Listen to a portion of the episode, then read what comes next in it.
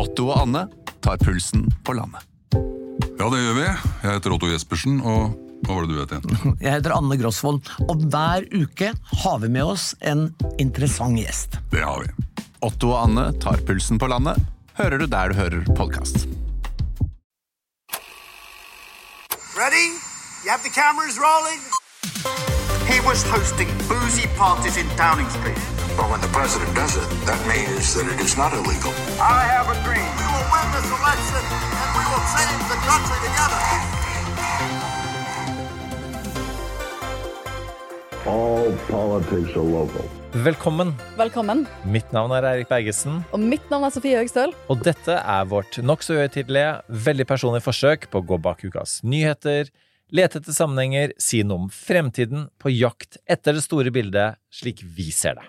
Hver fredag. Og gode lytter, velkommen til den siste sommerepisoden vi har spilt inn i år. Sommerepisode fire. Nå er vi altså på slutten av sommeren, men vi spiller inn på begynnelsen av sommeren. Yes. En del ting kan ha skjedd. Ja, Og det har litt å si, for nå skal vi jo snakke om valg. Ja, fordi det er valg i høst, og det er jo eh, Valgår er et, eh, et, et Det er høstens eh, deiligste eventyr, rett og slett. Eh, Og da, da trengte vi noen som kunne på en måte ikke bare snakke om måte, hvordan ender det, men på å si, hvordan begynner det, hvordan foregår det, hva er et valg, hva er et kommunevalg? Eh, Og da ja, sendte jeg melding til deg, Agnar Kårbø. Velkommen i studio. Takk, så hyggelig og koselig å være her. Teppe på gulvet og Absolutt. At vi er til, tilbakelente stoler, så vi er fortsatt i en tilbakelent fase av valget. Eh, Det er mulig at det endret seg på slutten av sommeren, og det er da det virkelig begynner å dra til. Eh, Og, men altså, du, bare for å ta det da, din bakgrunn. Nå er du om dagen er du politisk redaktør i Kommunal Rapport, eh, men du har skrevet boka Politisk lederskap, som ligger på bordet her. Du har vært kommunikasjonsdirektør i UDI, undervist i politikk og kommunikasjon på Høgskolen Kristiania, eh, har vært taleskriver i Kommunaldepartementet. Kommunaldepartementet. Det er mye kommunalt eh, ved deg. Jeg har en lang karriere. Jeg var med å starte Kommunal Rapport i 1987. Du var kanskje ikke født da? Jo, det var det. Du er en gammel Eh, middelalder- Sofie var så Jeg var ett år gammel. Ja. Ja, sånn at eh, vi er ja. Nei, kommunene. Vi elsker kommunene og fylkeskommunene. Ikke glem dem, for guds skyld. Nei, og, og det gjør jo vi politiske nerder også. Og, og nå er det, det er mange som kanskje i en veldig spennende verden tenker at kommunevalg, eh, det kan da umulig være det mest spennende som skjer. Men i din verden så er det det.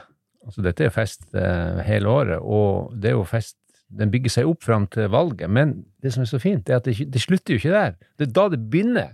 For da skal alle disse 357, det er jo en ny kommune i år, Haram skilles ut fra Ålesund, så det blir oppstår som kommune fra, neste, fra årsskiftet, ikke sant? Og hvem er det som skal feriere i Haram kommune, kommende Haram kommune, på Haramsøya? Jeg. Det er du, ja. Det er slekta fra. Ja. Og der er jo en av de store strids... Jeg kan jo bli kommunedirektør. Jeg tror den jobben må jo være ledig. På Altså. et eller annet tidspunkt, så, så bare til dere i slekta som følger med, posisjoner meg gjerne der. Eh, når det er sagt, så er men, da, jo men poenget mitt var at da Ja. begynner konstitueringa av disse lokale kommunestyrene og fylkestingene. Det er jo flere nye fylkeskommuner som gjennomstår fra de Ja, for det skjer rett og slett ganske store endringer eh, etter dette valget. fordi at man er i den stasjonen hvor man har lagt ned en del fylkeskommuner, og nå skal de gjenoppstå etter dette valget. Så Viken, for eksempel, eksisterer jo, selv om den er formelt vedtatt politisk at den nedlegges, eksisterer jo fortsatt, i og med at de personene som sitter i fylket uh, sitter, er innvalgt for Viken fylkes, uh, på fylkesnivå, de er jo valgt i den valgkretsen, men den valgkretsen legges da ned, og så gjenoppstår disse andre fylkene. Så det er en dynamisk Lokalvalg er jo ganske dynamisk sånn sett, som du Ja. sier. Og det er, det er jo da enkeltvalg med forskjellige kandidater i alle disse 357 valgkretsene, som gjør det til en skikkelig demokratisk festdag. For i et stortingsvalg så har du jo 19 lister i, i de 19 forskjellige valgdistriktene. Eh, Så det er mye færre folk på valg enn det det er i et kommunevalg. Og det gjør det jo veldig spennende. Ja, det er jo 8000-10 000 mennesker som skal du man kan stemme på og kumulere og holde på. Mye mer kumulering der enn på stortingsvalget. Der er det jo altfor kjedelig. Så her kan du jo stemme på en liste, så kan du gi en slenger, en stemme til en god venn som, eller en som kommer fra ditt veikryss eller din del av kommunen. altså, hvorfor er dette fint? Jo, fordi at dette er jo, som du er inne på, Sofie, dette er jo demokrati på, på ikke på et lavt nivå, men på et nært nivå. Mm. Det er kommunen, som KS som jo eier Kommunal Rapport, de sier at kommunen er jo liksom uh, viktigst i livet ditt. Du bor i kommunen, og du fødes der, du dør her, og alt det der.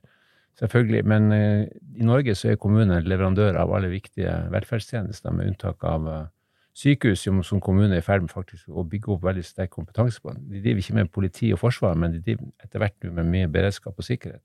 Jeg tenker at For en Også- vanlig borger ja. så, er det jo, Ja. så er det jo kommunen som styrer mye av ditt tjenestetilbud. Ja, og så i tillegg er det, og vi snakker litt, kanskje av og til litt for mye om tjenestene, det er jo også en demokratisk arena. Den skal legge til rette for, for deltakelse og samfunnsutvikling. Så kommunen må vi ta vare på. Ja, og så er det jo eh, Vi snakker mye på den om, om viktigheten av demokrati, og viktigheten av at vi alle deltar i demokratiet, for det er bare sånn demokrati kan fungere. Demokratiet, det er oss. Og, og det er jo det naturlige nivået å delta for de fleste vil jo være nettopp i, i kommunepolitikken. Eh, og, og det er jo sånn at man gjerne da, i hvert fall på små steder, kjenner ordføreren, varaordføreren, man treffer de på butikken og kan prate politikk, man kan eh, delta demokratisk ved å ta tak i eh, politikeren din da, eh, eh, i, eh, på, på gata, på butikken. Eh, og det er jo noe fint med det, og det er jo noe av grunnen til at noen ganger Husk på habiliteten, for guds skyld. med mindre man altså, og, og det sier jo også litt om hvor vanskelig habilitet er, da. Eh, At man selv på riksnivå i Norge kjenner veldig mange mennesker. Og man er vennskapelig med veldig mange mennesker. Og så er spørsmålet selvfølgelig hvor vennskapelig man er, da. Og, og hvordan man eh, forholder seg til det. Nei, det er jo et poeng at, du, eh, at en, en kontakt mellom velger og valgt, at denne, den avstanden ikke er uoverstigelig. Eh, og så er det, som personer er jo da viktig, og de relasjonene. Så må vi huske på at i Norge, så i motsetning til USA, som jo dere kjenner godt, så er jo politikken organisert gjennom eh, ulike partier. Så I USA så har du jo valg på st- skolestyreformann. ikke sant? Det, ikke så, det gjør du ikke i Norge. Du kan selvfølgelig stemme inn en person som du ønsker skal sitte i hovedutvalg for oppvekst eller noe sånt, men du, du vet jo ikke om vedkommende havner der.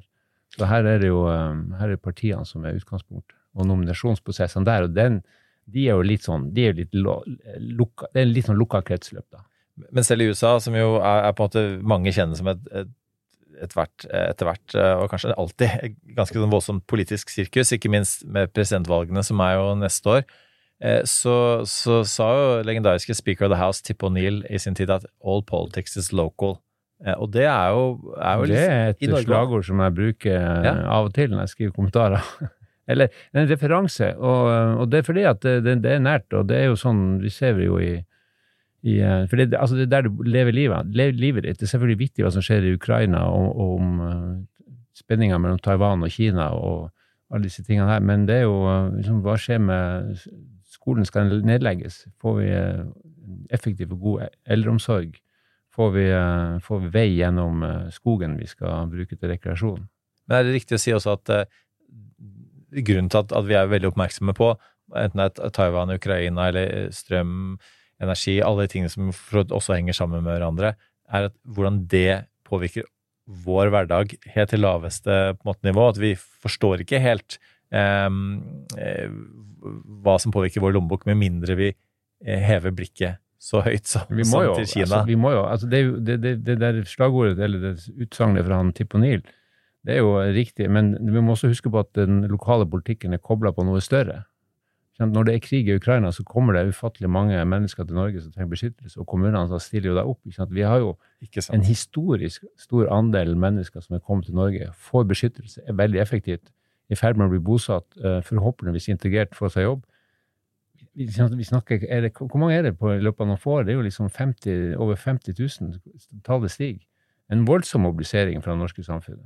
Men Jeg kan hive inn et uh, Jonas Gahr Støre-sitat her. Vi må tenke globalt, handle lokalt. Noen ganger tenker jeg vi skal handle globalt. Var det noe som ble sagt på 70-tallet av noen sånne miljøaktivister, mener jeg å huske? Ja, nettopp. nettopp. Ja, for det, for det er jo noe med Men, men liksom, noen ganger tenker vi at vi skal handle globalt. No, på et sett og vis skal vi det, men selv norske politikere, eh, rikspolitikere, det er eh, på lokalt nivå ofte beslutninger tas. Ja, ja, selvfølgelig. Bakgrunnen i det globale. Og så er det viktig hva som skjer i Stortinget, selvfølgelig. Og det er jo, Stortinget har jo alltid, Stortingspolitikere har jo alltid en ambisjon om å fortelle kommunene hva de skal gjøre.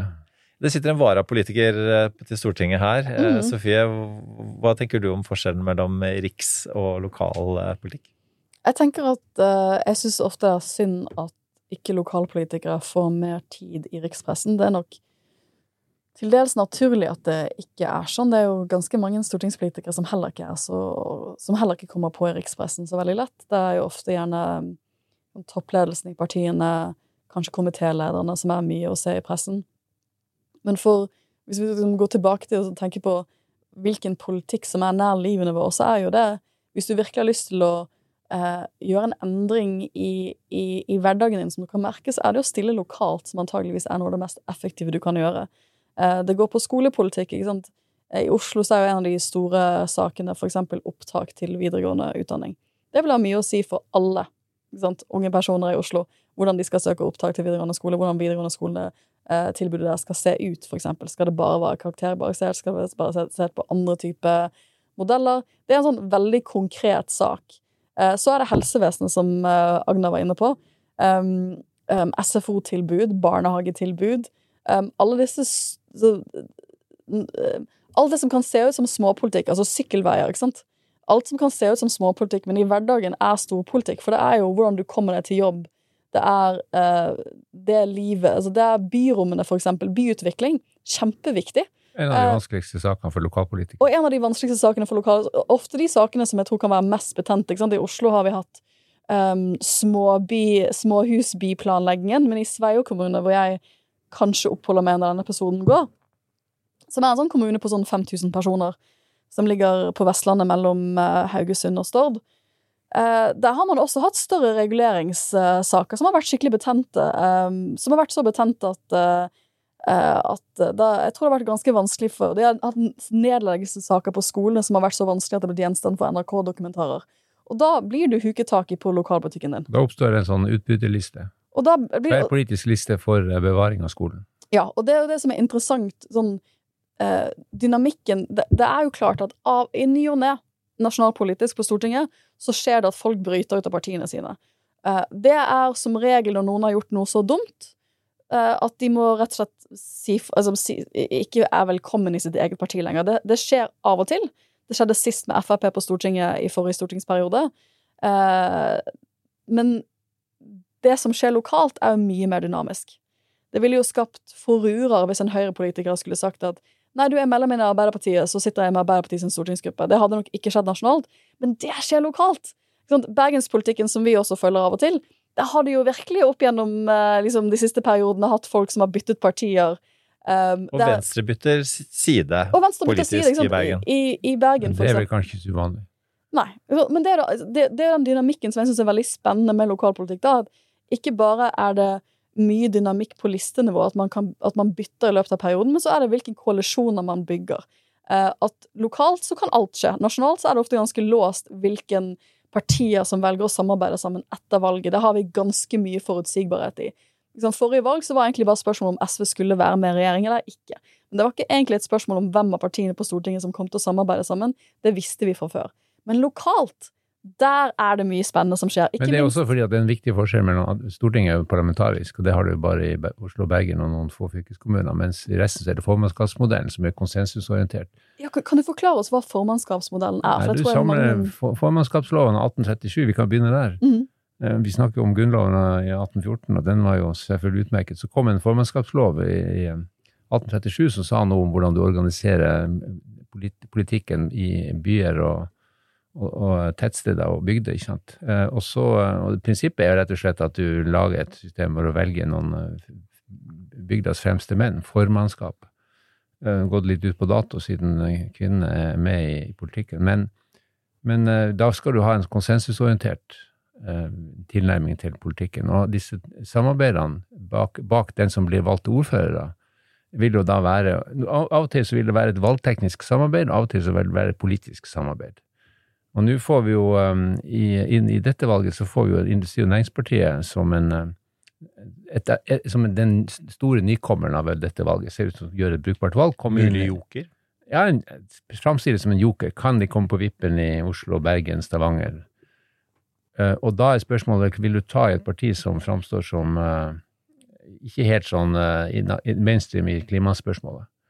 Eh, Og da er jo spurt både Solberg og Støre om dette her, og de sier ja, dette er et lokalt eh, anliggende. Det er mye rare konstellasjoner i Norge, som eh, Erna Solberg sier, og det har hun helt rett i. Det går på et kryss og tvers.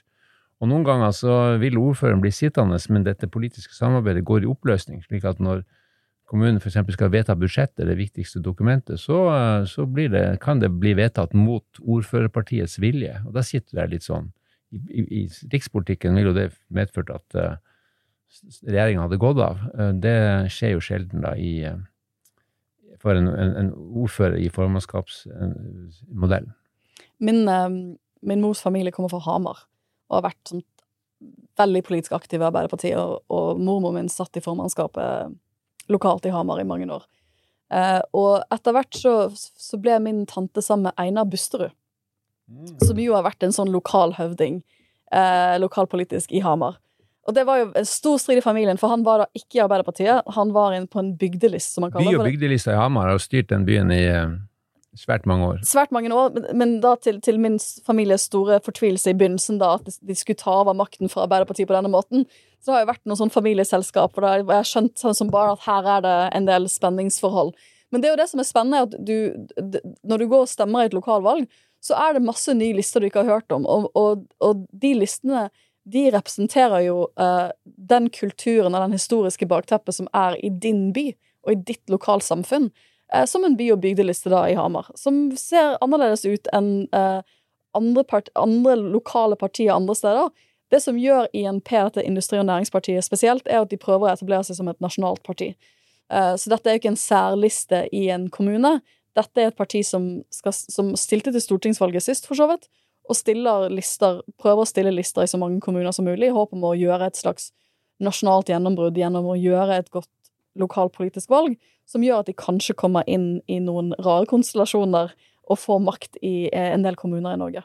Ja, og fordi hadde vært stortingsvalg i år og ikke kommunevalg, så kunne man jo forestille seg at eh, Erna Jonas, som nå sier at dette er et lokalt anliggende, eh, måtte forholde seg til at INP var et eh, riksanliggende, og kunne faktisk påvirke deres posisjoner på Stortinget.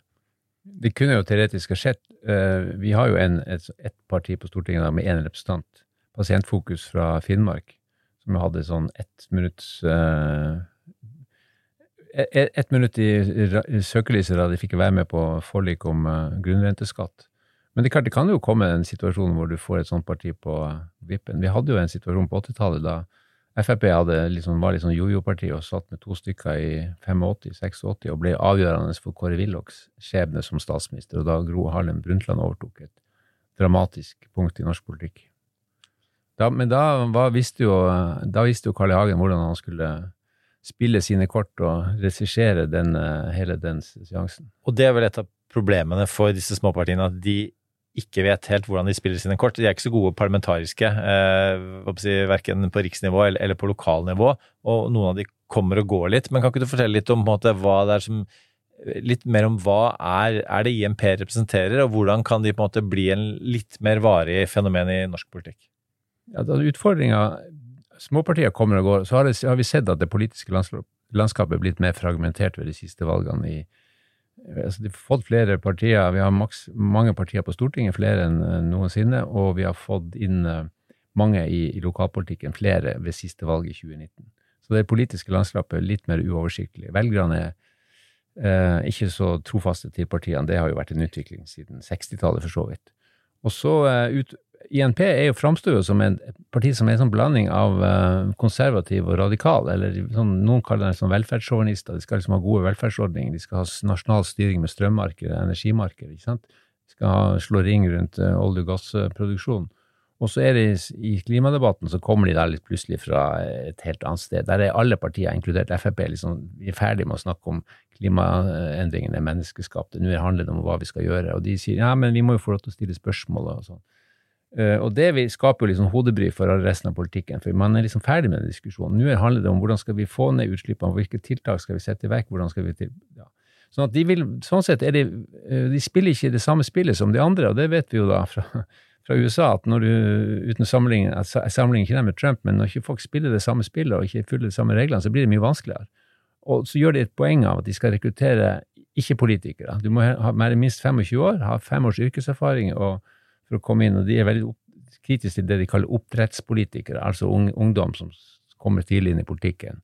Broilere. Og, ja, broilere. Og det er jo for så vidt poenget at folk må jo kanskje eh, få andre, annen erfaring, men vi har jo en populær eh, partileder nå som, eh, som, som nyter personlig stor respekt og, og får veldig stor oppslutning blant velgerne, Erna Solberg. Har jo, det jo henne, har jo vært hennes liv å være politiker, og jeg mener jo at det er en styrke. Industri- og Næringspartiet de har jo noen sånne nostalgiske trekk. Du får, liksom, de, du får en følelse av at de ønsker deg tilbake til Gerhardsen og Bratteli.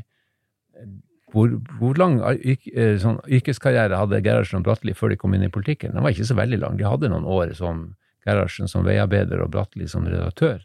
Og så var de politikere på heltid, og det var det som var deres styrke. Jeg syns jo at Industri- og Næringspartiet, som har en del folk fra, som jobber f.eks. i Nordsjøen, håndverkere, fagarbeidere, folk som er enormt viktige for dette samfunnet, de bør anerkjenne at politikk også er et håndverk. Og så er det selvfølgelig sånn at eh, politikken, der er det et tillitsverv også, og du, du må jo gjøre deg fortjent til den tilliten hvert fjerde år. Så sånn sett er det mulig å bytte ut folk som du ikke liker. Det som er interessant med INP, er at de har slått seg sammen med Helsepartiet. Det var et annet sånt eh, mindre parti. Eh, de slo seg sammen på begynnelsen av året. Og så har de på mange måter tatt over rollen til bompengepartiet på noen måter, som var det store partiet som kom inn i nasjonalpolitikken gjennom kommunevalget i 2019. Og det, det du sier med sånn at politikk er et håndverk, det, det er jo litt det jeg tenker på med bompengepartiet.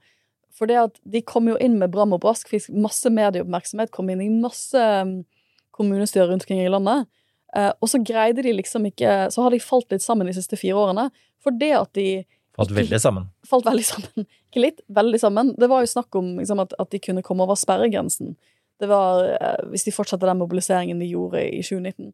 Um, men så, så har de liksom kommet inn i politikken, så må de jo begynne som man må gjøre i et kommunestyre med ok, hvem skal vi samarbeide med. Så da får man jo litt sånn spesielle konstellasjoner hvor de plutselig samarbeider med Miljøpartiet De Grønne i Stavanger, for eksempel. Som var, nok var uventet for begge partiets velgere i, i utgangspunktet. Eh, og så må man inngå forlik, ikke sant? og så krangler man om hva er egentlig det politiske prosjektet vårt utover, liksom, utover den saken som, som, som gjorde at vi oppstådde som parti.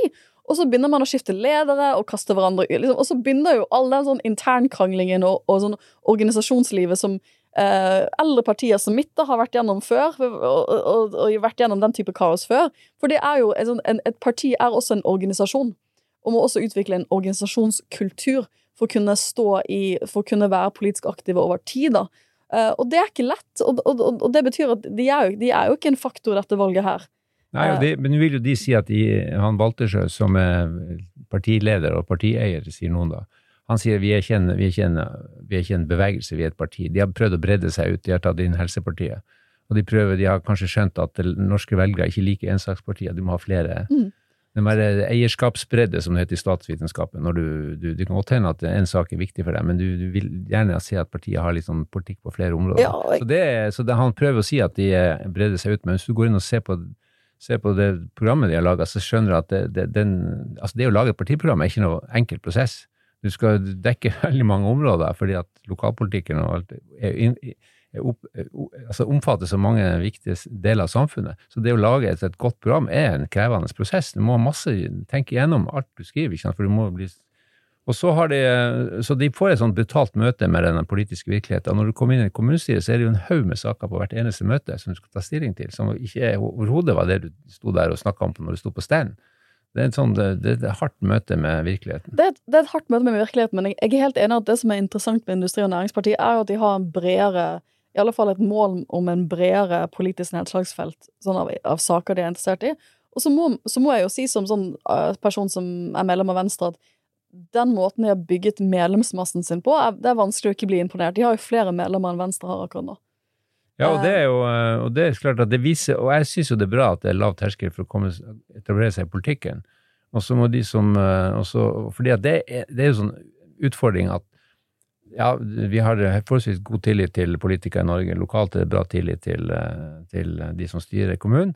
Eh, Men vi ser jo at valgdeltakelsen ligger på sånn, og, og, og den er jo under 70 ved lokalvalg. Ja, det gikk riktignok opp i 2019, og det var en rekordhøy, og det var kanskje kan forklares med bompengepartiet, at du får mobilisert en del folk som er som har sittet på sida. Så kan du si at noe av forklaringen på lav deltakelse skyldes at vi har det ganske bra. Det er ikke noe sånn, det er ikke noe krise her i landet. Vi må liksom ikke springe til stemmeurnen. Det er greit, la dem styre.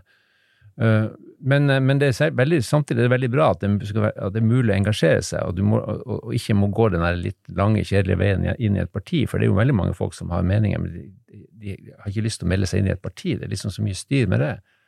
Og Jeg så for eksempel et eksempel på det i, i Stavanger Aftenblad nylig, hvor var noen av, I Sandnes kommune så var det noen folk som oppdaga at uh, her har Vegvesenet tenkt å legge en svær vei, som de har planlagt, gjennom et friområde, et populært turområde. Så tenkte de dette går jo ikke, dette er jo krise, dette må vi få stoppa. Så, de, så han er ene sa, men flaks etter valg, da får vi satt saken på dagsorden, vi engasjerer oss, lager en liten gruppe, fem folk som ikke kjente hverandre, selvfølgelig ut på Facebook, får rekruttert folk, dette engasjerer, dette er forståelig, og da må uh, Arbeiderpartiets ordførerkandidat, som er ny der, en kommune for øvrig hvor Arbeiderpartiet og Frp har styrt sammen i mange år, men nå trekker jo begge de toppene seg, så ikke der er alt oppe for uh, der er alt i spill. Uh, han sier at må jeg, må jeg, dette, denne saken her må jeg forholde meg til. Den kan bli viktig. Den kan hente noen velgere, eller den kan tape noen velgere. Jeg må jo ha et gjennomtenkt standpunkt på dette her. For det er jo det handler om hvor trafikken skal gå. Sånn. Så det er eksempel på at du får liksom en sånn interaksjon med velgerne.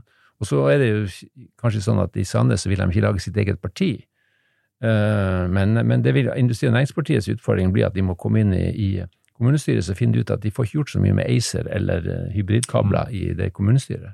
De får gjort noe med vindkraft som de er opptatt av. Paradokset er jo da, uten at jeg tar stilling til det, at et parti som heter Industri- og Næringspartiet, er ikke så opptatt av å bygge ut kraft som industrien sier de trenger. Men det er en annen diskusjon.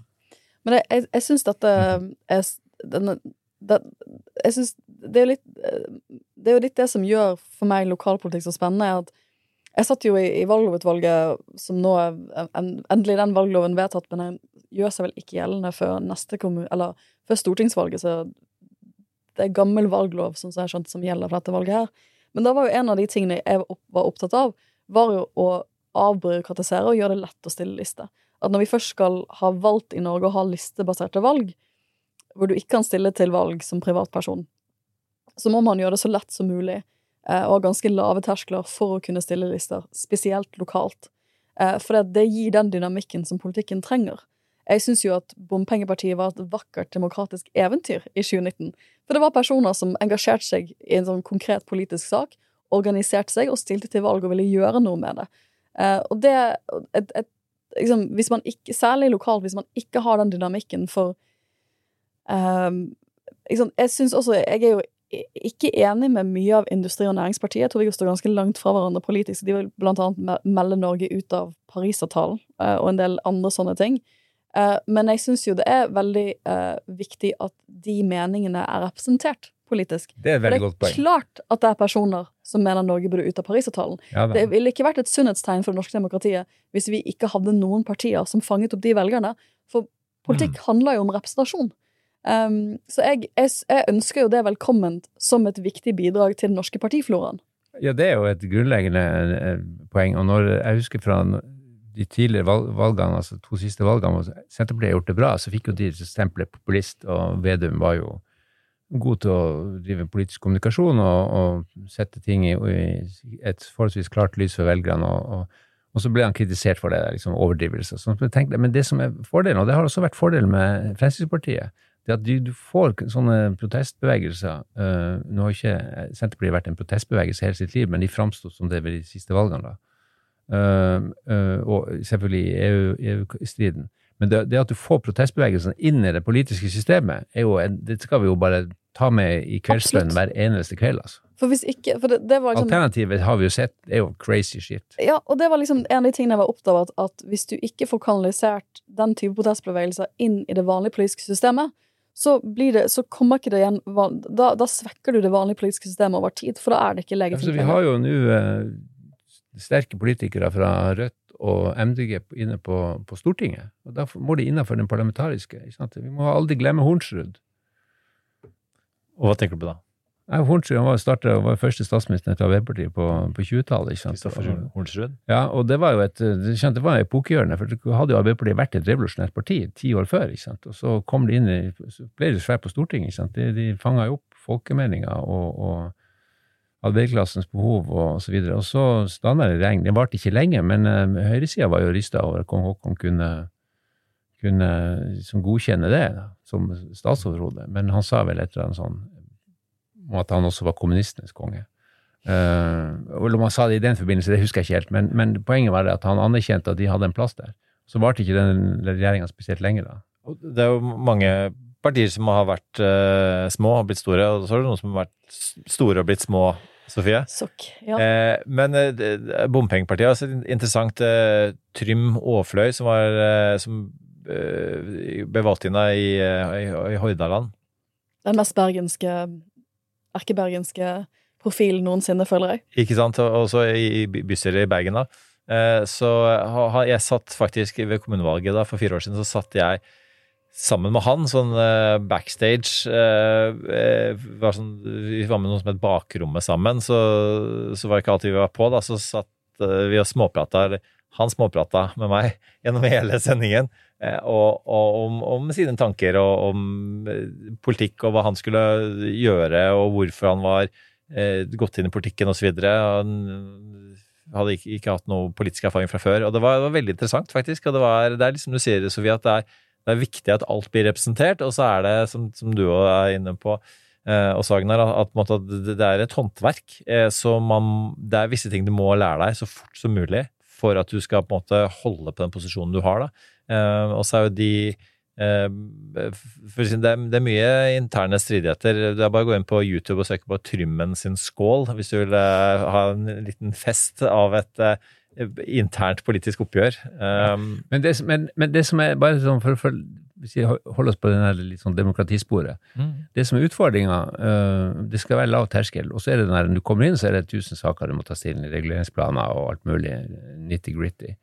Forholdsvis det, høyt detaljeringsnivå. Fordi at norske kommuner da, driver så ufattelig mye avanserte ting. Ikke sant? De driver skole, oppvekst, eh, barnevern, eh, helse og omsorg i alle sine varianter. Eh, alle, altså, det er ingen som har oversikt hvor mange planer en kommune skal legge. Du snakker om eh, kommuneplan, samfunnsdelen osv. Budsjettene, eh, økonomistyring, um, alt mulig annet.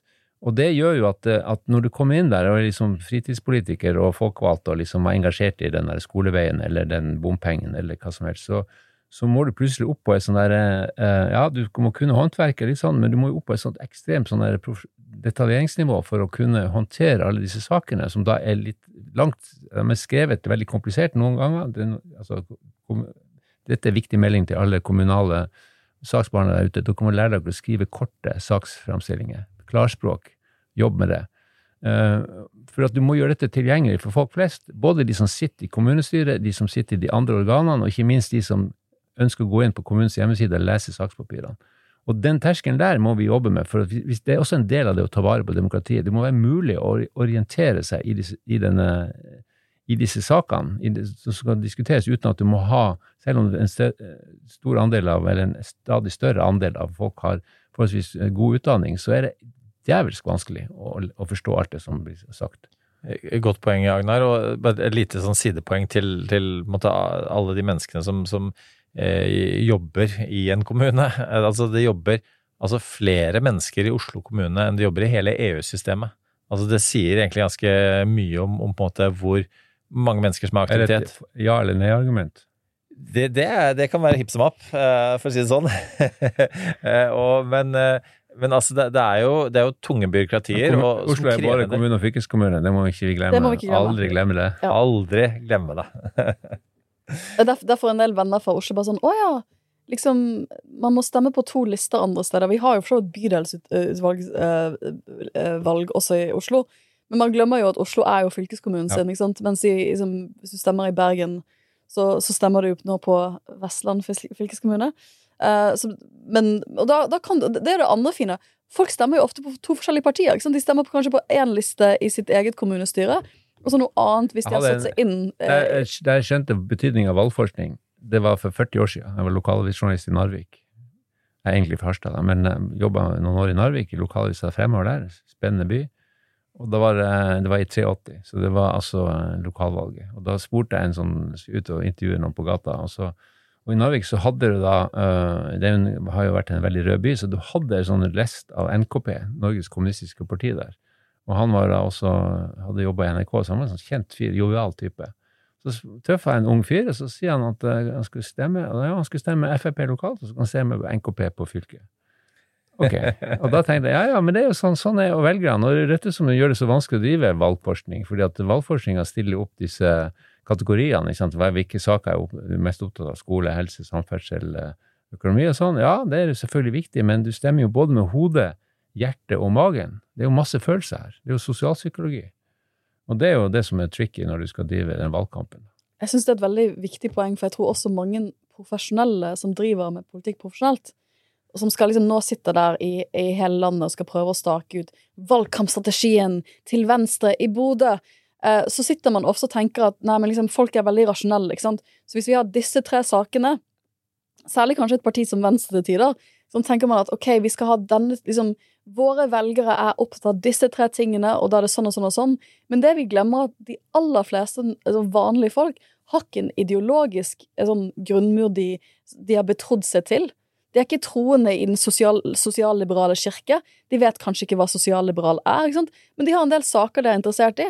Uh, og i den ene saken så kan de ligge med på linje med Frp, og i den neste saken så kan de ligge med på linje med Miljøpartiet De Grønne, og sånn er de aller fleste folk. Og så er det dette med følelser, ikke sant.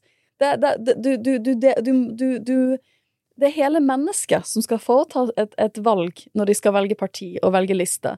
Og det er sånn, Jeg leste sånn interessant sånn, lengre analyse av en amerikansk sånn politisk sånn stats, statsvitenskapelig forsker som sa at folk undervurderer man, man tror at, at velgere har en sånn coherent life view. Og det er jo ikke sånn noen av oss egentlig fungerer. Nei, vi er mennesker. Vi er, vi er ikke ChatGPT som uh, koker sammen likt og ulikt, og så ser det rasjonelt ut. Vi er, men, men klart at vi vet at eh, Men altså, det vi vet vi, Og du må huske i Norge har vi lang valgforsking sånn, tilbake til 50-tallet. Valen, Rokkan, Årdal sant, og, og, og Johannes Berg, og det er jo en hel hærskare med toppfolk der.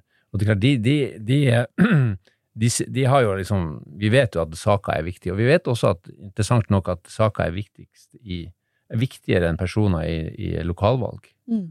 Og så vet vi at lokale saker er litt viktigere enn nasjonale saker også i lokalvalg. Mm. Men det, samtidig så er det et spe, eh, samspill mellom lokale og nasjonale saker. Så det er klart at helse og omsorg av eldre, sånt, som kommer til å være en viktig sak i dette valget her, det, det, det har jo en nasjonal dimensjon. Stortinget skal vedta Eh, eldrereform. Arbeiderpartiet og regjeringa har lagt fram det, og, og, dette er noe som alle, alle, kommuner er opptatt av. For de vet at det er økninga i antall eldre, pluss at de faktisk har veldig, veldig mange under 67 år som også beslaglegger, som trenger helsehjelp og omsorg i kommunene. Så dette er sånn en, dette er et tema i absolutt alle kommuner. Hvis vi eh, holder oss litt til da, de temaene som vil prege kommunevalget, eh, i, i tillegg til helse og omsorg. Så har vi vært, for så vidt vært inne om, om, strøm og energi. Så har vi ikke snakket så mye om økonomi eh, enda, men vi vet at, at det er dyrtid. Eh, folk har dårligere råd. Eh, hvilke, hvilke, saker tror du blir aller viktigst, og på hvilken måte? Ja, det er samspillet. Det er klart økonomien, den økonomiske, de økonomiske utsiktene som ikke Vi har ikke noen grunn til å tro at de skal bli litt sånn mye bedre fram til 11.9. Renta kom kommer kanskje til å stige uh, enda litt til. Tvert imot, nå får folk regningen fra sydenferien sin. Ja, sånn, at, det, sånn, at det, sånn sett så blir jo eh, valget også en folkeavstemning om regjeringa, hvordan de syns de styrer det. Og da sier jo regjeringa at vi har gjort de nødvendige grep, og sånn, og dette blir tøffe tak, derfor så må vi gjøre sånn og sånn. Og så sier, tenker folk faen, det blir dyrere, ikke sant. Uh, og Høyre har jo gjort det til en valgkampsak at det skal ikke bli dyrere å bo i, i høyrestyrte kommuner. For de ser jo at kommunale gebyrer og, videre slår også inn. Eh, sånn at der, sånn, Økonomien kommer til å bli viktig, helt klart. Og så er helse og omsorg en viktig sak. Også skole kommer til å bli eh, selvfølgelig tema mange plasser. Uh, miljø, vindkraft, klima.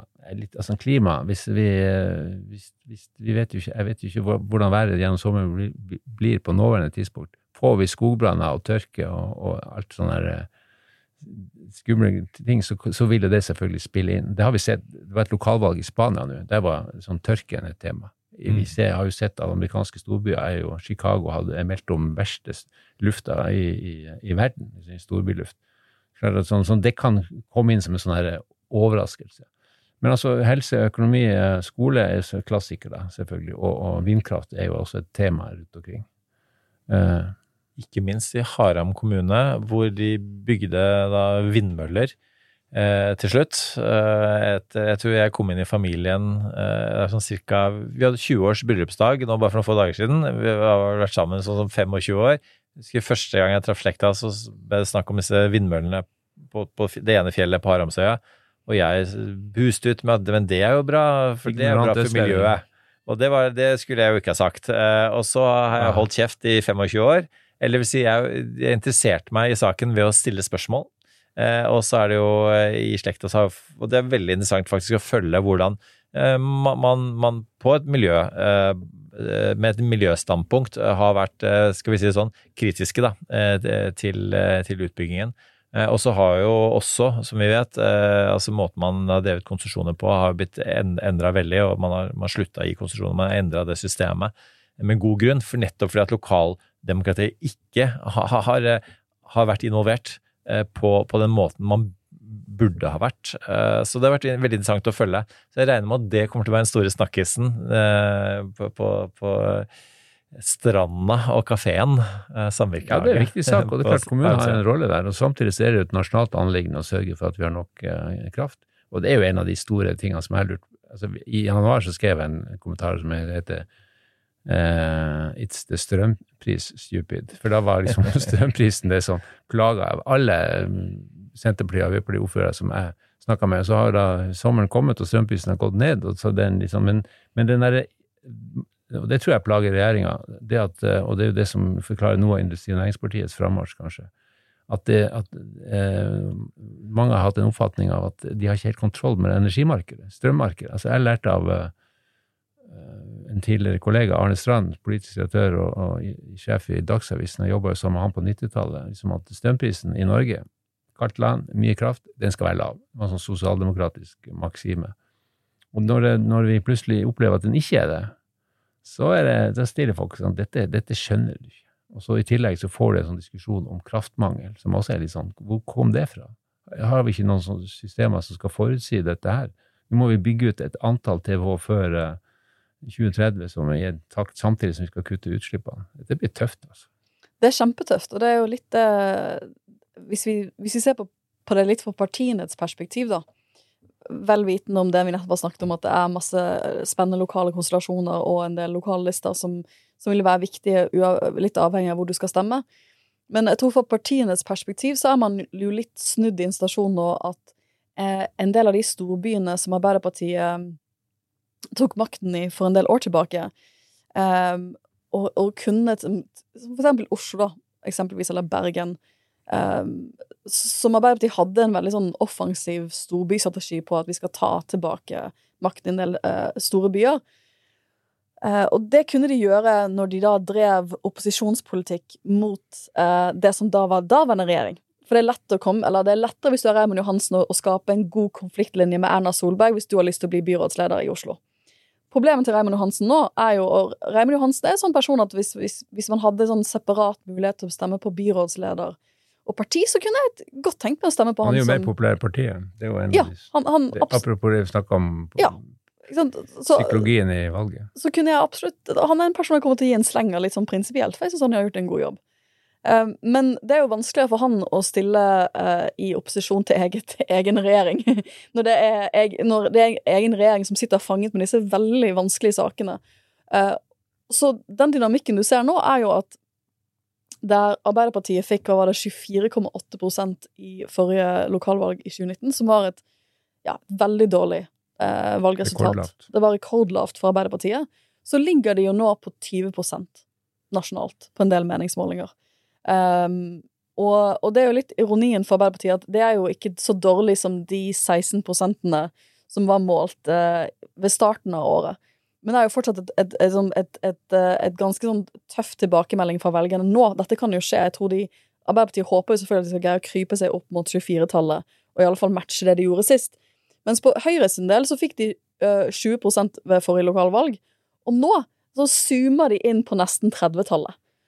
Eh, og det er jo også en sånn litt sånn rar situasjon å være i, hvor de skal prøve å safe litt inn mot sommeren òg, for vi vet jo at nå begynner jo egentlig valgkampen uh, for real. Altså, valgkampen Jeg har vært på stand for Venstre så langt, men et, de fleste velgere, når du prøver å gi dem en, sånn, en, en litt sånn valgkampgreie Nå er det litt sånn Å, er det valg? Liksom, de, de, de, de skal inn i Det er bare vi feriemodus. nerder som har, som har Det, vært i det er bare vi nerder som bryr oss, men innen utgangen av ferien, da kommer, Ja. da kommer det til å ta seg virkelig Ja, opp. og det kan skje mye i løpet av august. og mye kan skje i august, og det vet vi. At Og det vi så vi på lokalvalgkampen i, for fire år siden. Den bompengegreia den tok virkelig av i august. Og Mm. husk det, det var regjeringskrise i august. Erna Solberg var på sånn møte i, eh, is, på Island og skulle være der i noen dager, Nordisk råd, jeg husker ikke hva, og måtte da bare kaste seg på fly, dra hjem, forlike Frp og Venstre som holdt på å klore øynene ut av hverandre. i- Dette husker jeg godt. Jeg sto på stand i Ja, lokalvalget i 2019. og det var, var, der, var, der var Erna Hun er jo en flegmatisk leder, litt sånn romslig og la folk eh, liksom eh, Da, var det, da, var da kom grensen nådd, altså. Da måtte, da måtte dette forlikes. Da var denne bompengesaken liksom kommet inn i regjeringa. Så var det kampen om å skulle kutte bompengesatsing, skulle styrke kollektivsatsing, sant, alt dette her. Jeg husker det veldig godt, at vi måtte jo da som lojale fotsoldater ut og stå på stand rett etter at det forliket er i media. Eh, og man skjønner jo at det er det er ikke god stemning. Eh, Oslo eh, Venstre stiller på ingen måte til valg på samarbeid med, med Frp lokalt.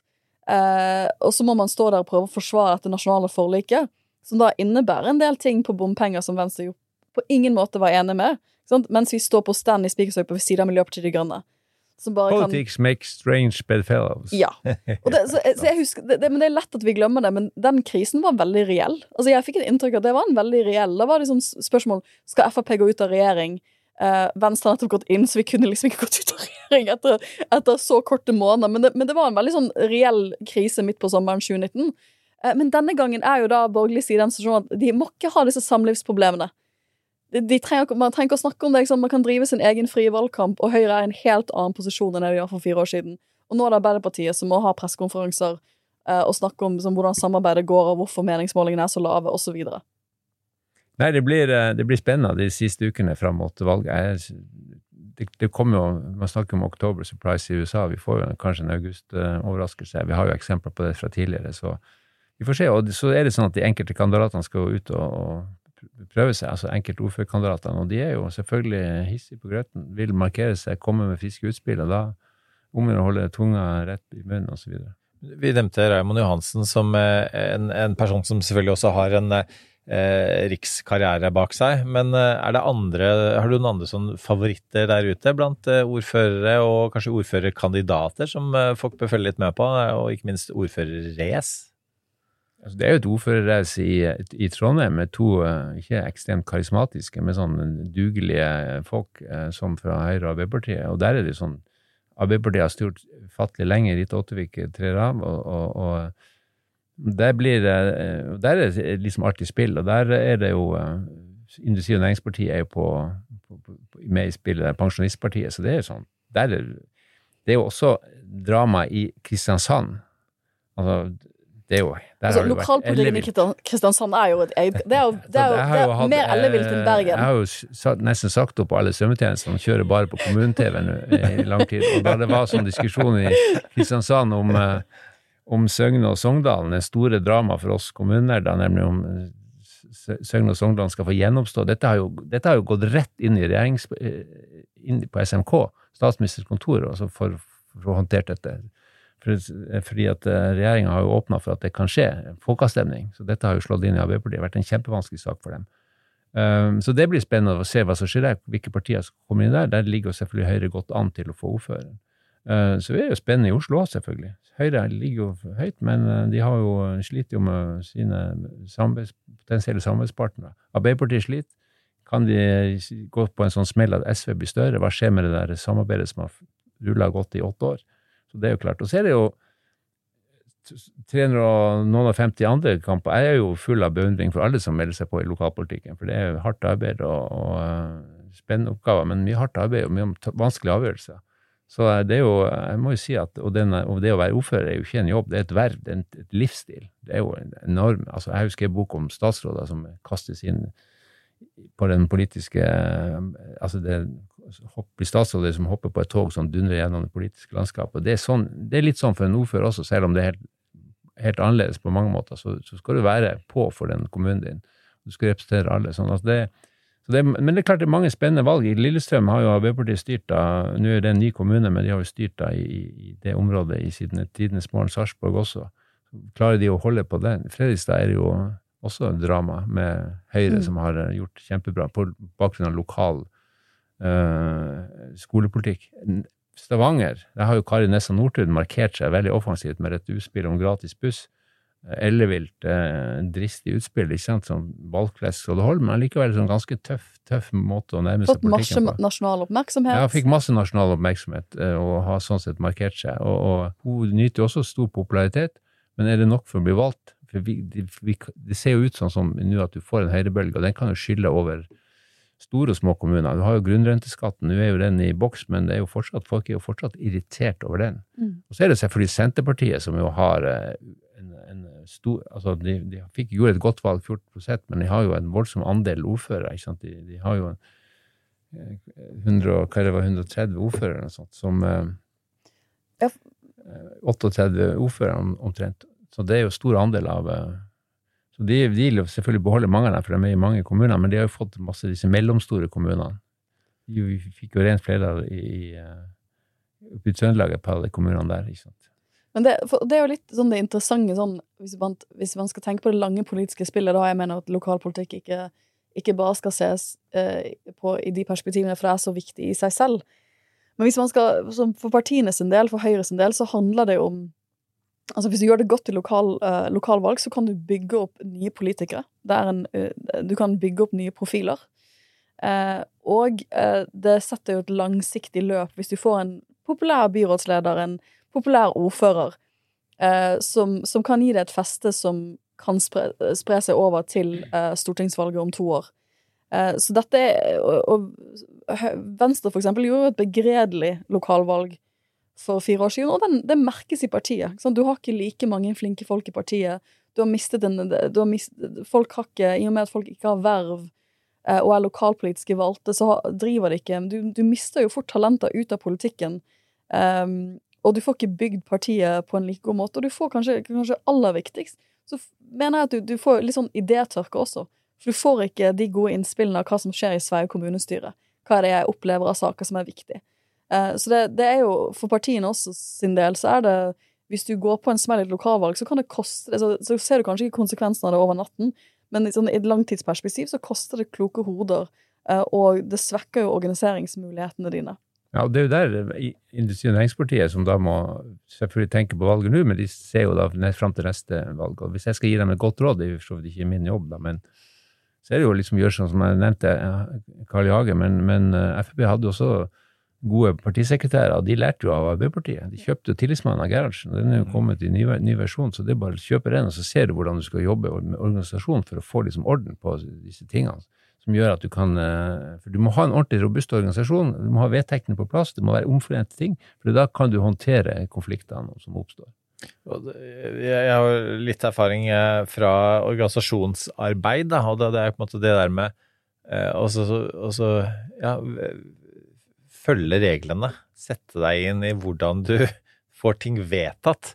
Fordi det, er jo dessverre på, på riksplan i, i politikken kan man Spesielt i USA, som vi følger, eh, Sofie, men også i Norge, så kan det bli Det er mye utspillspolitikk, mens, mens ikke minst lokalt, så du må få vedtatt ting. Eh, og da må du vite hvordan du vedtar ting, og da må du eh, sette sammen koalisjoner, og da må du få banka gjennom ting, og du må forberede, og du må time. Og det er jo noe, det er jo fascinerende òg, da. Jeg synes jo det er, og det, er- det er veldig mye mer enn bare gode ideer, eh, eller gode intensjoner, for å si det sånn. Og det er jo utfordringen når du står på steinen, som du har sikkert erfart, Sofie. Det er lett å komme med vidløftige løfter, men det blir sånn skrift i sand, ikke sant? Du skal gjennomføre det. Så det er jo en sånn grunnlærdom i politikken, at du må jo du må jo selvfølgelig du må jo skape en høyere himmel over dette, her, change we can believe in og alt dette her, men du må jo liksom eh, Du vet at du skal levere også. Så, men det er jo en sånn det, sies jo da at en gammel eh, embetsmann i Finansdepartementet sa til en nyankommet politiker at eh, um, du kan ikke holde alt du eh, lover, du får holde at du lover. Eh, vi, eh, vi har vært innom Arbeiderpartiet, som, som gjør det dårlig nasjonalt og ser ut til som konsekvens av det å gjøre det dårlig lokalt. Så er det et annet parti, eh, Senterpartiet, som jo eh, ikke gjør det så bra nasjonalt som, som de eh, for så vidt gjorde ved valget, og ikke minst tiden eh, før valget eh, sist til Stortinget, men som jo er eh, ordførerpartiet, da, eh, og som har hadde i hvert fall noe som 138 ordførere etter Mm. valget sist, og som fordi de er så gode pragmatikere og gode til å lage disse koalisjonene, klarer å karre til seg ordførerverv, eh, som du sier, noen ganger ved hjelp av strange bedfellows eh, rundt omkring. Og hva, hva tror du der, Agne? Det kan, kan se ut som eh, Senterpartiet gjør et bedre valg enn kanskje mange hadde tenkt. Ja, det er jo det, det, er det som er per i dag. eh, Med, med det forbeholdet så har det vært vanskelig å må, finne ut hvor de egentlig ligger på lokalmålinger. For det er jo, du har jo masse eh, lokale, veldig lokale målinger, så har du masse nasjonale målinger, så skal det brytes ned, og så er det metodisk sett vanskelig. Så alle klør seg litt i hodet hvor de ligger henne, et sted mellom 6 og 10 prosent. Får de 8% så er de liksom på normalen. Eh, Får de 9% så er det brukbart, med tanke på at de faktisk sitter i regjering og, må tåle den regjeringssliktasjen. Eh, Men de kan jo Så det er vanskelig å si. Men de, de vil jo fortsatt ha et antall eh, ordførere, fordi de det er fortsatt mange små kommuner i Norge hvor de står sterkt. Og så vil de selvfølgelig eh, eh, tape en del av disse mellomstore kommunene, risikerer jo det, da. Men eh, så det blir en sånn spennende. Men de er jo dyktige politikere. De de er så flinke til å bygge organisasjon, få fram folk, eh, ta tak i de som liksom er dugende, og de, ja, sånn at de uh, De er flinke til å rekruttere flinke ja, folk sånn at det, det er jo, de er, de Og de har jo selvfølgelig vært i medvind de siste årene, så det er litt sånn frustrasjon nå, kanskje. Men, uh, men eh, jeg var på landsmøte i Senterpartiet, og det var sånn Jeg tenkte at det her er litt for god stemning, altså. Men eh, nå er jo landsmøtet helt sånn eh, Det er jo kumbaya, ikke sant. Det er jo god stemning. Se på Arbeiderpartiet ble det jo kjempestemning, men det var mer sånn lettelsessukk, kanskje. Men Du ble danset på bordet ja, av til partilederen. Ja, ja. Det, men det må være lov til. Men men så, Senterpartiet er spennende. Og så er det interessant. SV ser jo også ut som de kan gjøre et brukbart valg.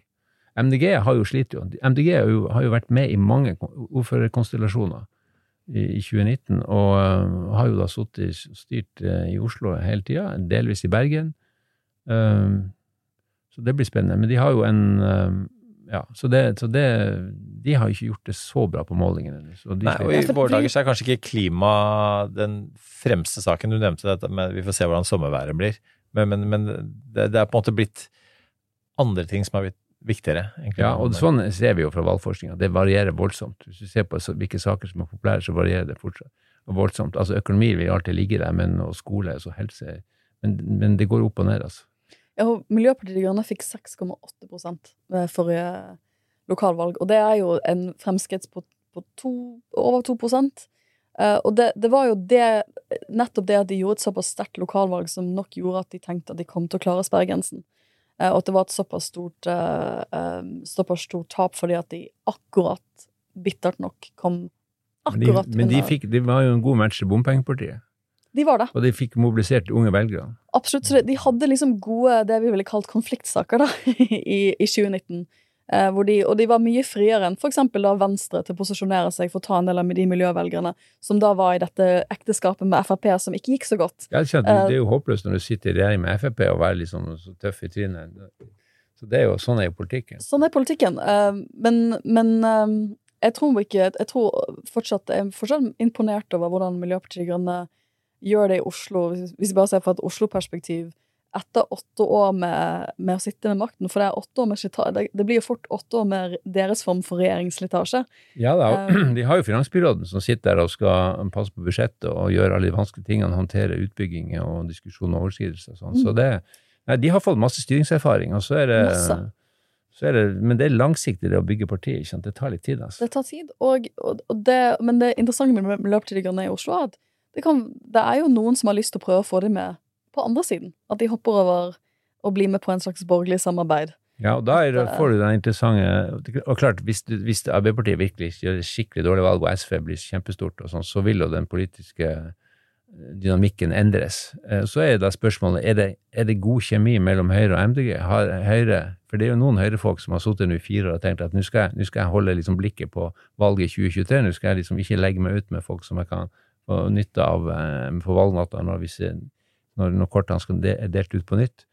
Eh, Og så har du de som har eh, ikke tenkt på det. Og, og jeg vet ikke hvordan den stemninga Det virker ikke på meg som stemninga med MDG og Høyre i Oslo er kjempegod. Eh, Men samtidig så er det jo sånn i Oslo at MDG har jo med fordi de har vært til stede og satt i gang, så kan man diskutere omfanget av sykkelveier osv. Men Oslofolk syns jo at mye av dette her er liksom naturlig. Altså vil det være dosering av selvfølgelig diskusjon om privatbilisme og sånn, men, men, men eh, det blir det sånn delt fellesgods. Sånn at eh, hvis Høyre da kommer i byrådsposisjon, eh, nesten uansett hvem de får støtte fra, så vil de liksom ikke skrinlegge den, der, eh, den, den delen av byutviklinga. Det har jeg, har jeg vanskelig for å se for meg. Jeg tror at nok de har endret en del dynamikker i Oslo som vil vare utover deres, eh, deres periode. Og da har, du, da har du jo faktisk De kom jo inn i politikken eh, for åtte år siden som en kule i lokalvalget eh, i 2015. Uh, og de, man kan jo si at mye av det, det som ble avfeid som ganske idealistisk, som de stilte på i 2015, har jo endret Har flyttet på grenser som gjør at selv med et skifte, politisk skifte i Oslo, så vil nok mye av det bestå. Det, da har man jo faktisk gått fra å være et eh, noen vil kalle det ensaksparti eller protestparti, eller hva noen vil kalle det, som da har faktisk fått sånn, gjort noen langvarige endringer. da. Og det syns jeg er imponerende. Eh, Men det som er faktoren der, det er jo eh, altså klima, klima- og naturkrisen, som jo, vi må jo kalle det det, og de utfordringene som det representerer, både i form av vi skal redusere utslipp, og vi skal tilpasse oss det, og det vil kreve masse på lokalt plan og nasjonalt og globalt. Og eh, for noen MDG-ere så er dette et sånn eksistensielt spørsmål som gjør at det ikke så lett går inn i de vanlige kompromissene. Hvis du spør en, en partileder i et stort parti, så sier vi må, vi må gå framover, vi må pushe på dette. Alle snakker om klima, men vi må ikke gå så fort at folk ikke henger etter. Og der, dette, kan, dette kan bli en av de virkelig vanskelige utfordringene i politikken de neste årene. Hvordan får du til dette? Fordi at når du ser, Jeg var jo klimajournalist i Aftenposten for over 20 år siden. Altså, satt på internasjonale forhandlinger, og det var det er klart mye har jo, Det har skjedd masse ting i løpet av disse 20 årene, men av og til så tenker jeg nei, det har ikke skjedd, det har ikke skjedd altså, eh, i nærheten liksom, nok. Hvordan går det med kuttene i Norge? Hvordan har vi, tar vi det inn over oss? Ja, noen av oss flyr litt mindre, men noen av oss flyr jo like forbanna like mye, nesten. Og, og vi, jeg, jeg tenker jo veldig mye på at neste stortingsperiode, altså stortingsperioden fra 2025 til 2029, de tingene som må skje i den stortingsperioden for at vi skal være i nærheten av å nå noen av klimamålene vi har satt opp for 2030, det blir ganske heftig. Så jeg er også veldig spent på hva er hva, hvordan, hvordan blir klimasaken inn i 2025-valgkampen? For man, jeg, jeg, jeg har blitt gammel nok nå til å innse at en stortingsperiode er veldig kort tid. Sånn, Og det er må huske på, jeg ja, jeg, nevnt, jeg gjorde en sånn ikke sant, jeg, Du passerer 60 år, så ser du faen, du har levd et langt liv. Og så er det Jeg nevnte noe som skjedde da i 1983. Da var jeg liksom par og 20 år. Hvis du er 22 år i dag, og har da yrkeskarrieren foran deg, så skal du løse dette enorme problemet i løpet av din yrkeskarriere, eller så går det skikkelig dårlig, altså. Og tenk på det, hvis noen hadde sagt til meg for 40 år siden du har en oppgave, du skal, du skal liksom ikke bare skape en bedre verden i form av liksom, du skal liksom, du skal ordne opp i de store greiene her. Ja, vi har et, vi må ta litt ansvar for, uh, altså, vi har, vi, vi, vi, det, er ikke så, det er ikke så lett å være ung, altså, når du ser dette her, så vi må jobbe litt for at de ikke skal miste håpet, altså. Mm. Ja, ja for akkurat det, de unge, hvis vi bare kan, kan avslutte med det uh, Altså uh, vi- Det var mange som, eh, unge som, som deltok ved siste, siste valg, eh, og, og, det, og det er på en måte Kanskje også fordi at det, det er klima, en del sånne ting som, som måtte, en eh, avgjør deres fremtid. Det er de som skal leve med konsekvensene av vedtakene som skjer i, i dag. Um, hva, hva, hva tenker du om, om, om ved de unges deltakelse ved valget nå? Um, Vi vet jo at eh, som valgforskninga i 2019 fortalte oss, førstegangsvelgerne de blir jo mobilisert, og så er det de andregangsvelgerne, jeg har vært litt skrevet om det, de, hopper, altså de havner i et sånt slags limbo. ikke ja, ikke sant? Hvorfor skjer det? Eh, Nei, det er jo fordi at de ikke kobler seg på. Jeg har jo da undervist litt i sånn politikk og sånn, og da møter jeg jo masse unge folk som skal jobbe med journalistikk og kommunikasjon, og så sier jeg, men da er jo liksom, da er dere jo liksom inne i samfunn, det er jo samfunn, dere skal holde på med samf det som skjer i samfunnet på et eller annet nivå, enten veldig sånn organisasjoner, politikk, eh, næringsliv, offentlig sektor. Da må dere være påkobla, liksom, eh, hva skjer i Stortinget, hva skjer i kommunestyret, hva skjer i, i, den offentlige debatten, eh, i de klassiske medier til andre steder. Altså, man kan vite hva som foregår, og så er det sånn, ja, altså, noe skjer, og så, og så er det den derre Nå har vi ikke én enkel offentlighet. liksom Før så var det sånn skru på radioen, NRK, det var, betydde NRK, det var én kanal, det, det var der du fikk informasjon. Nå er det jo det der er annerledes. Både spennende, men også frustrerende. Og da er det sånn, hvordan skaffer du en sånn felles, snev av felles offentlighet? Jeg tror jo, selv om ungdom sitter med hodet sitt inne i en TikTok-skjerm og tenker at hva slags liv er de lever, så er jo de i stand til å gjøre to ting på en gang, nemlig både la seg underholde og tenke fornuftige tanker. Sånn er jo de fleste av oss. Eh, Men da må jo, er det jo opp til politikerne, det politiske partiet, det liksom vi som er liksom opptatt av dette her. Vi må kommunisere, vi må gjøre dette tilgjengelig. Eh, Og da er det ikke om å gjøre å være sånn crazy artig på TikTok for en annen partileder, men du må jo, selvfølgelig må partiene skjønne disse kanalene og, og møtestedene. Men du må også sørge for at politikken oppleves som relevant. At, det liksom, at dette er, ja eh, Kontrollspørsmål når du møter unge studenter, er sånn, syns dere stipendet skal være i 10, 11 eller 12 måneder? Så får du jo debatten med en gang. Og det er jo sånn politikk funker. Folk flest er ikke så opptatt av politikk, men er opptatt av det som påvirker livene deres. Ja, fordi politikk er jo ikke bare det politikerne holder på med. Politikk er jo det som, som, som påvirker livene våre eh, i, i det daglige. Og ingen, ingenting viser det bedre, eller burde vise det bedre, enn kommunevalg. Eh, og med det eh, tenker jeg vi, vi skal gå inn for landing. Vi skal få noen anbefalinger fra deg også, Agenar.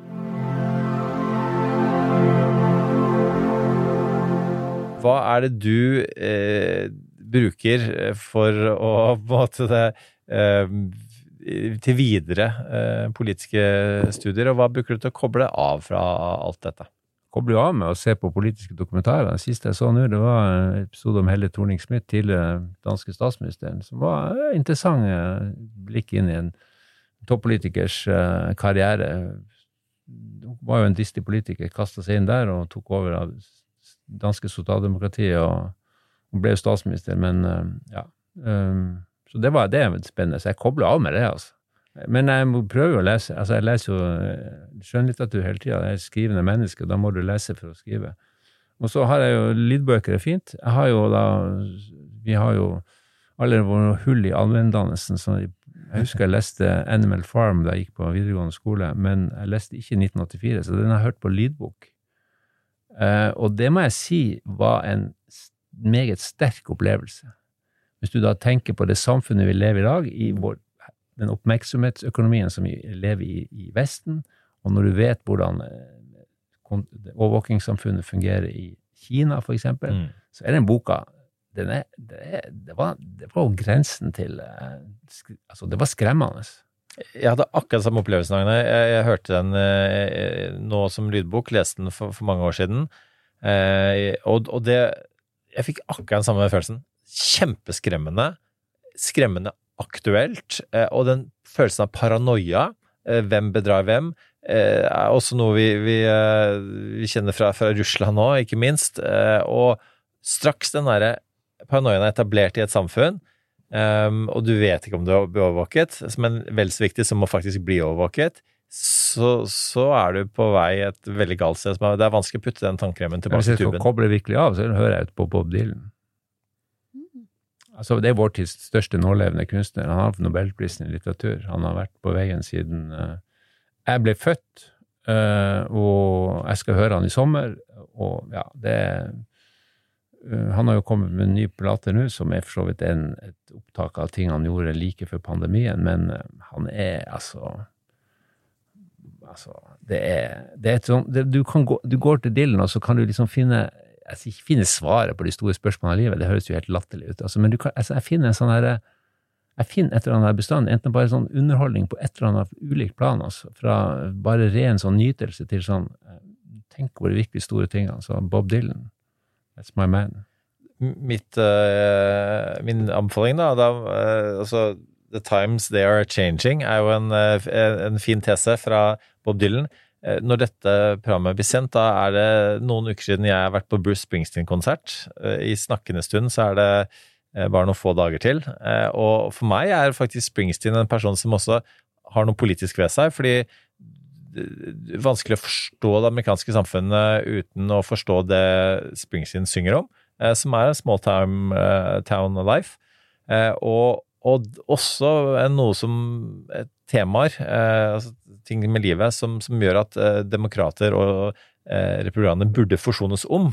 Eh, og det er, det er faktisk eh, det er få ting igjen i USA som, som eh, disse to partiene eh, sine medlemmer forsones om, men Springsteen er en av det. Så det, la det være mitt, min musikalske anbefaling. Og min anbefaling er ganske enkel. Jeg skal lese Agnes bok om politisk lederskap. Beretninger fra statsrådskontorene. Det gleder jeg meg veldig til. Jeg skal faktisk rett Jeg, skal, jeg må løpe ut av studiet straks, for jeg skal på Unge Venstre sommerleir. Eh, og eh, være med på å åpne den. Eh, så det, dette var en perfekt oppladning for sommerens vakreste eventyr, som er Unge Venstre sommerleir.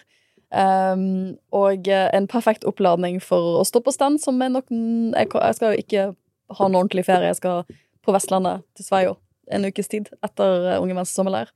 Eh, Men så er det tilbake til Oslo og stå på stand og drive valgkamp for alle de flotte lokale kandidatene våre her i Oslo. Så det, det blir eh, Dette blir veldig, veldig spennende. Og kjære lytter, dette er jo den siste sommerepisoden vår. Innen vi lyttes igjen neste uke, så er Eirik og jeg tilbake. Da skal vi børste støv av eh, eh, sommertrettheten vår og komme med en rykende fersk episode. Kanskje er det et eller annet som har kokt i eh, kommunevalget, i valgkampen. Ikke vet jeg. Det vet vi ikke. Det blir spennende å se. Eh, Det er eh, få som synes det er så spennende med kommunevalg som deg, Agnar, eh, og for oss, og få som gjør det så spennende som deg. Så tusen takk for at du var med oss i dag, Agnar. Bare hyggelig, og husk å stemme. Husk å stemme. Husk å stemme. That's enough. Put down the mic.